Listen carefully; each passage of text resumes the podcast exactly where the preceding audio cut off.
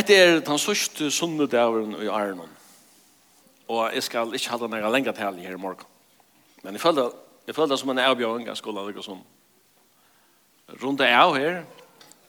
Vi heter Arre som er færre. Og han har noen tanker i samband med til han.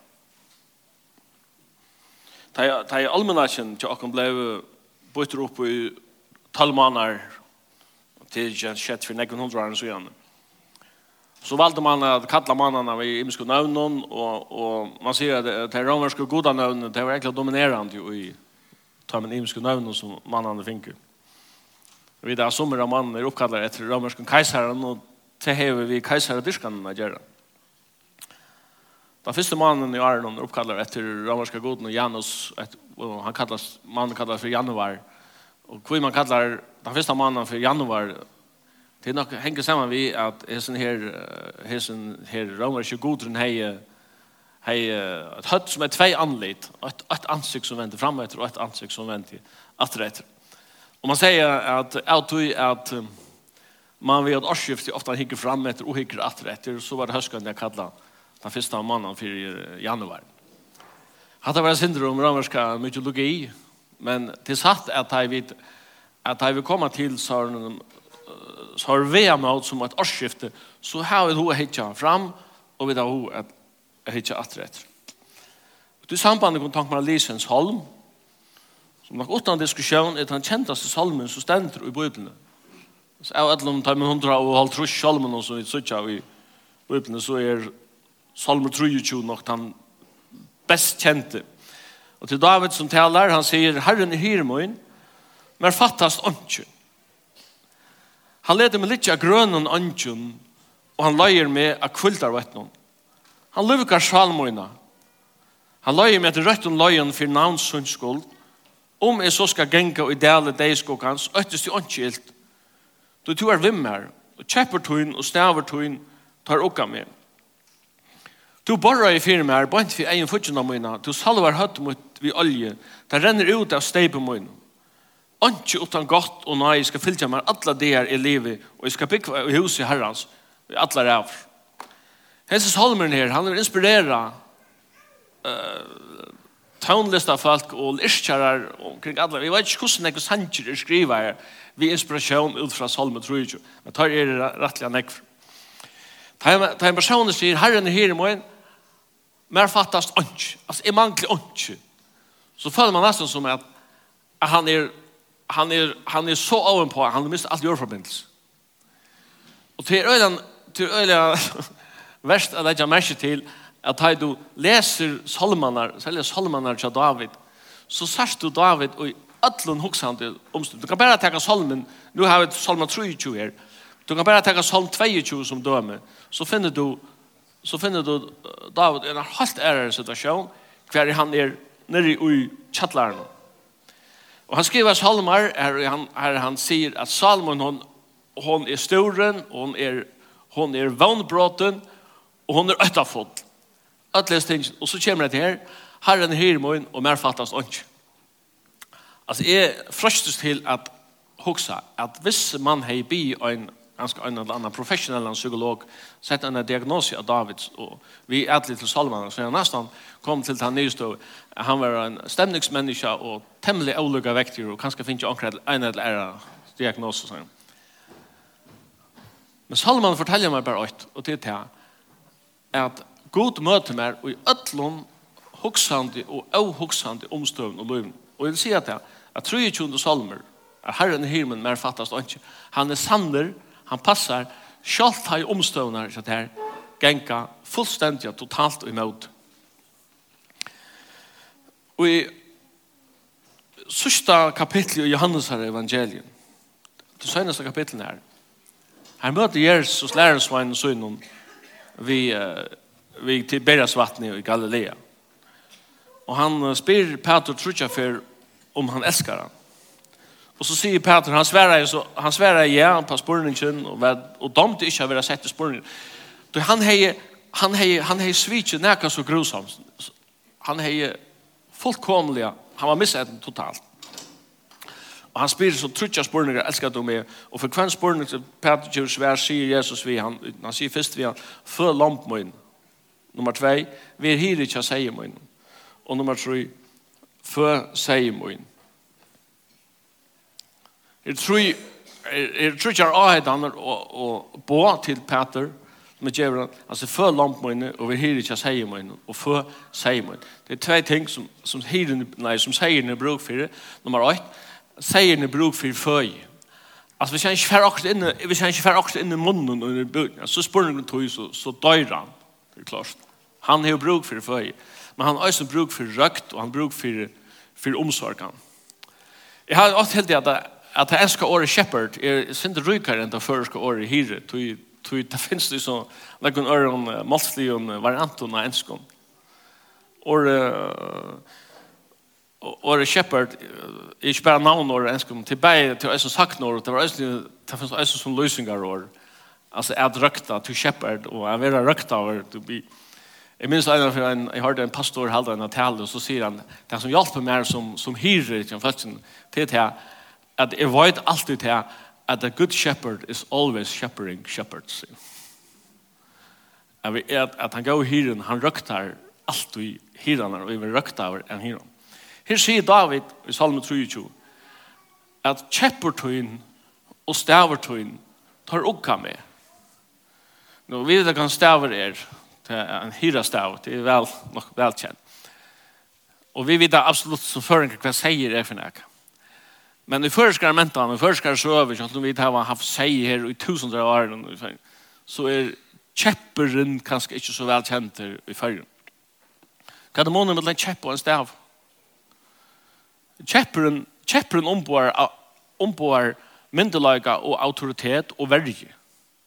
Det vill säga, att tog omkvarn och tog kulturen här hette var skriva Her var, her var seieren utsette for noen vanton som han ikke opplever i fargen. Nemlig at det var rådyr som kunne leipa av. Som, som ikke ville seie noen nega godt. Jesus brukar akkurat så myndna av Johannes kapitel 20, da han tåsar om løyesveinen. Da ulveren kommer, så, så renner han av sted og flytjar. Du seieren ligger hun ikke av hjertet, sier frelseren. Men da ulveren kommer, ta teker ta teker hyren ikkje staven og for å begynne å kjele ulven. Han teker kjeppen, og han fyrer Og han knallar til ulven. Så kjeppen er verja, men staveren hever nega vi omsorgan og røkt a gjerra Så David sier, Herren er hyren min, mer fattast ikke. Og så sier han, kjepper tuin og staver tuin tar ugga med. Du gjemmer alle til omsorgan som jeg har bruk for vi stavene Du får av meg for jeg ganger skøyva løyer, og du teker kanskje og krøtje på stavn om er vilster, og hala meg på plass atter. Og jeg, jeg er fei omsorgen, tror jeg. Men du teker øyne kjeppen til ulveren kommer. Herren er her i morgen, og mer fattast ånds. Så sier han øyne at du bare er fire mer, bare ikke fire egen av alle og morgenen. Og løyer meg at kvultar vet. Vi kommer alltid til det, til det som jeg nevnte Janne, og, og som Jesus sier, før lampen og før seimun, altså, sier man øyne her og nægge at eta. Og så kom vi til den grunnleggende spørningen, som alltid er relevant i samkommesammenheng. Hvert er verelig andalig føy. Nært hos har vi om føy. Føy. Ofta, ofta folk kom til meg og sagt til meg, det var en god tale du har i Simon. Hun var virkelig interessant. Nå, jeg vet också kvart kvart fuck mig när vi tar sig men men, det är ju ikke gång som det er særlig størst kompliment. det kan vara att folk har mener at vi, jeg fikk virkelig noe beskyrt, och ta var gott och och få in oss og slik. Men, men, men schysst är intressant och så själv när. Jesus kom ikke inn i hendene hjemme för det är intressant. interessant. Apostlarna var ikke sendt ut ved evangeliene for at gjøre sin tramp. De fører ut ved noen som folk hadde bruk for. Du, du skal kalla navn hans herre Jesus. Du, han skal frelsa folk ut fra synden tarra. Du får ikke til å lakna og til å konstellasjon. Du, du heldur at det er så reellt interessant. Du først er, og først ganske en resept av vittjer. vitser. Du, det er det du har bruk for. Og så sier han at øsene tjokk. Hva er reell, hva er verilig antall i føy? Jeg minns en sagt i ena for hentan, hentan her uh, matestotjen, eller hentan, hessa testen opp, han sier, jeg vil si det på tammatan, at hvis en båskaper vil borne fram, og du fært, og du fært av sted at vi er en kjenslig av, vi er en følelse av, at du er vi en, at det er en større frelser enn da du kom. At det er en, det er en fokusering av hvor Jesus er, hva han har gjort for det, hva han betyr for det. Om Kristus som kom i hendan heim som människa lät seg för inn hendan heim. Om inkarnationerna att han gjordes människa. Om han som inte kom för jeg lette andre tjene seg, men för att tjäna öron och göra lös ut som løser ikke alt. Om han som leser teka av hånd om lovløsninga, som Guds år sier. Han var givet sin til en menneske oppi henter. Som let seg spotta og døma og hovflanja. Som let seg nekla opp av krossen. Som røpte til i fulltjørst og i henter tog når djev i andamøyen, Som døye for okkara synder. Som har gravlagter og la trutja der grøn. Som reis opp at er Vi måtte og miglar dørt. Og så sitter nu i færesens høyre hånd og hever alt valgt og i himmelig og gjør og for hånden for navnet hans herre skal kvart knæpa seg og hver tunga skal gjøtta.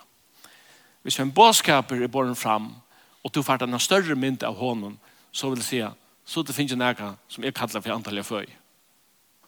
Det er gusset sier munner vi er en rettelig go test Vi kan si så rævlig an hek ting som kunne være sann og gau og kanskje øyne interessant, men som i prinsippen kanskje ikke endelig gjør at her en større fætan av bildet av hvor frelseren er. Jeg minns jeg leser ennå for en et andagstikk i en blæ, jeg minns ikke akkurat uh, Jeg mener det var demmanlatning som hei, hei et, et stykke som kallas for året. Det var så styrt andagsstykke. For nekvun, nekvun, og åren og igjen. Og her i bland hon stod så en, en, en beskrivelse av en frukt, eller en orst som vaks. Og så stod beskriv om hvordan hendan, hendan her frukten, så stod det, hun var ikke vant av mye for mennesker, hun, var, hun var ikke, det var ikke noe øyter i henne, at hun, var, hun kunne etast. Og minnes med rett, så smakket henne øysen rymlig vel, Men så ble det sagt om, så ble det sagt om disse orstene, disse fruktene, at hon har absolutt ikke fødselvir av norgeslega.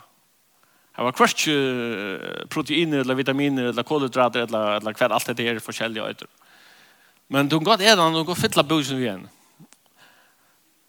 Men uh, tar kroppen skal prøve at opptaka næring, så, er han ikke, så, er, så opptaka han ikke, så her er han ikke hanta. Det er bare uifylla så stod det her som jeg helt var nok så rei han så. Så stod det at jeg ber til at dødje hunker selv om meg var fotler det var nok så nok så rei han det at jeg leser og en av for seg Isaias såleis i 55. kapittel vi viser utfall.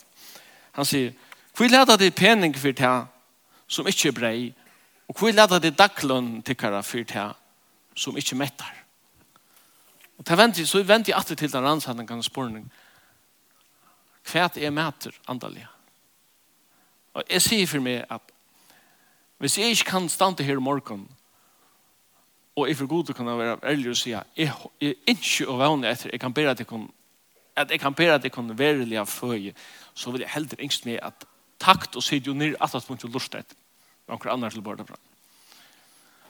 Jesus sier det såleis i, i, i Johannes 6, han sier, jeg er brei løvsins. Hetta er et sanna breie som kom nere av himmelen, for jeg mennesker skulle et av tog, og kunne liva, og i allar ræver. Det finnes satte kapittel av Johannes her evangeliet. Det som hendte her, og i Johannes evangeliet, det var det, han var ferdig bort til at øye sted, sammen med vil lære oss på en sønn. Og da har man bruk for, man har bruk for å komme bort fra, alltså retreat och komma komma för sig själva det har alla människor bruk för. Men problemet var bara att jag jag fallt ju kom att han jag vet inte om jag ska säga att jag förstår det. Men det kom och det kom inte bara det kom ju tusender om man har tusender och steg var öje och så säger en vi vi herran Hva skulle vi gjøre? Vi falt ikke så at jeg kunne få med at steger øye. Det stender selv at Herren visste hva han for å gjøre. Andreas risikerer noe. Han fer og sier Jesus, her er en dronker som er fem brei og tvær fiskar. Han var rævlig bort. Så for jeg så för inte dumma seg ordentlig, så sier han, men kvärt är tätt så mange, alltså det bara men nu har vi sagt det jeg vet det heter jag är inte men nu har vi sagt det så säger så sier Herren la meg la meg få det. Kjøy mer det. Han vet ikke færre bøyde det ut. Han sier, jeg skal ha det først. Og så fer han det. Da han tok brei og fiskene, så stendte det at han gjør tvei ting. Det er tvei ting han gjør. Nummer ett, han bryter det, og så døyler han det ut. Og sier, færre så bøyde det ut. Og det er helt symbolst alltid. Og sterske bådskaprysninger. Hvis Jesus skal mette nærkant til ham, så kräver han att han ska först jökna hans här händer. Och han ska först bråtast och söknast. Och så är det givet. Det är inte allt annat för mitt liv och tutt liv. För jag kan görs det. Det ständer i Guds år att att att att ett sunt bröd och hjärta är ett offer för Herren. Och en sunt sår är en anda vanvir god inte. Att vara att vara bråten inför god är som en fyreträd för att kunna vara till siktning och kunna mätta andra människor til en grunnleggjande treg. Og så var det bytt ut, og det lå på tølv fotla kurvar av, avlåp fra tøym som er død. Men hva sier folk ikke nå? Det er sånn at visselig er hetta profeteren som skal komme i heimen. Vi da har boi etter henne i så nek hundra år. Nå teker han fem breit for fiskar, og han markfallet Heter han, vi da boi etter henne. Og til alt det jeg teker han vi valgt å gjøre han til kong, her og nå. Men det stender, at han smokte seg vekk og rymte fra den ødlen. Øyste fra lærersveien. Han var ønsom atler med en av fjall av bia. Og da kveldet var kommet, så rymte han ut av vattnet og ble tidsen opp i baden til lærersveien og hette løgene fram i Kapernaum. Hva hendte morgen etter? Følte var stadig vekk her. Jeg kan nesten høre det for meg. Det rumplet i bøtjen av den. Det var svenk. Det var svenk. Då med som det heter finns ju jar. Han helt inte så långt än så. Kanske hade det brei och fiskar klarar här till att göra ett nytt mirakel Sånn. Men här var inte frälsare. Och så förde jag löjta och från de för i rummet till vattnet in i Kapernaum kom in i synagogorna här sa Jesus och de förde till honom och sa till honom när är du kommen här? Och visst kan han svära dem.